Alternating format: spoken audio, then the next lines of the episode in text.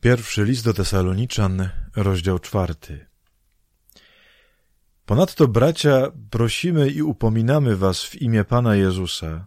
Postępujcie tak, jak wam przekazaliśmy, abyście podobali się Bogu. Owszem, już tak postępujecie, ale czyńcie to coraz lepiej. Znacie przecież polecenia, jakie daliśmy wam w imię Pana Jezusa. Jest wolą Boga, abyście byli święci. Powstrzymajcie się od nierządu.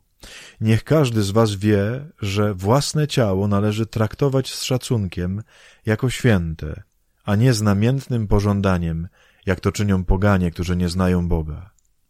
Niech nikt w tej sprawie nie popełnia wykroczeń i nie oszukuje swojego brata, ponieważ Pan będzie karał za wszystkie takie czyny, jak to już powiedzieliśmy i zaświadczyliśmy. Bóg bowiem nie powołał nas do nieczystości, lecz do świętości. Kto więc to lekceważy? Lekceważy nie człowieka, lecz Boga, który daje wam swego Ducha Świętego. Nie musimy natomiast pisać wam o braterskiej miłości, gdyż sam Bóg was pouczył, abyście się wzajemnie miłowali. Czynicie to przecież względem wszystkich braci w całej Macedonii. Zachęcamy was jedynie, bracia, czyńcie to coraz doskonalej. Usiłujcie zachować spokój, jak wam nakazaliśmy. Spełniajcie to, co do was należy i sami pracujcie na swe utrzymanie, abyście postępując szlachetnie wobec ludzi z zewnątrz, nie byli od nikogo zależni. Nie chcemy, bracia, byście nie wiedzieli o losie tych, którzy umierają. Nie smućcie się zatem, jak inni, którzy nie mają nadziei. Jeżeli bowiem wierzymy, że Jezus umarł i zmartwychwstał, to wraz z nim Bóg przywróci do życia także tych, którzy zasnęli zjednoczeni z Jezusem. To wam głosimy jako słowo pańskie. My, którzy nadal żyjemy, pozostawieni do przyjścia Pana, nie wyprzedzimy tych, którzy zasnęli. Bowiem sam Pan stąpi z nieba na wezwanie, na głos Archanioła i dźwięk trąby Bożej. Wówczas ci, którzy umarli w Chrystusie, powstaną pierwsi. Potem my, pozostawieni przy życiu. Wraz z nimi będziemy porwani w obłoki w powietrze na spotkanie Pana. I tak zostaniemy z Panem na zawsze. Tymi słowami pocieszajcie jedni drugich. Moi drodzy, dwie takie rzeczy.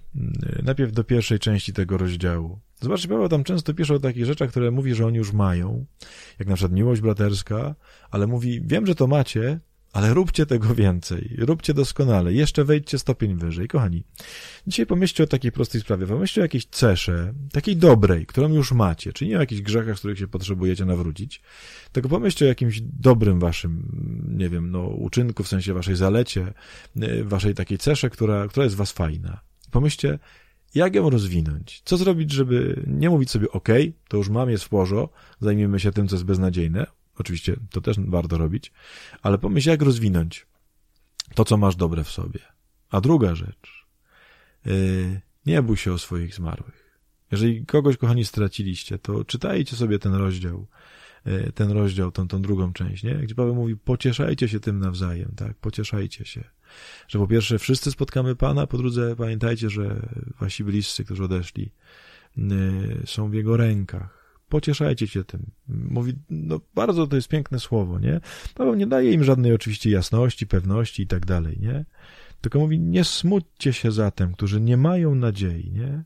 Jeżeli, jeżeli nie wiecie y, o losie waszych bliskich, mówi, nie smućcie się jak ci, którzy nie mają nadziei. To chodzi o nadzieję. Nadzieja nam mówi, że mamy to zostawić Bogu. Pan Bóg wie, co zrobić, żeby ludzi ratować. Zostawmy to w Jego rękach.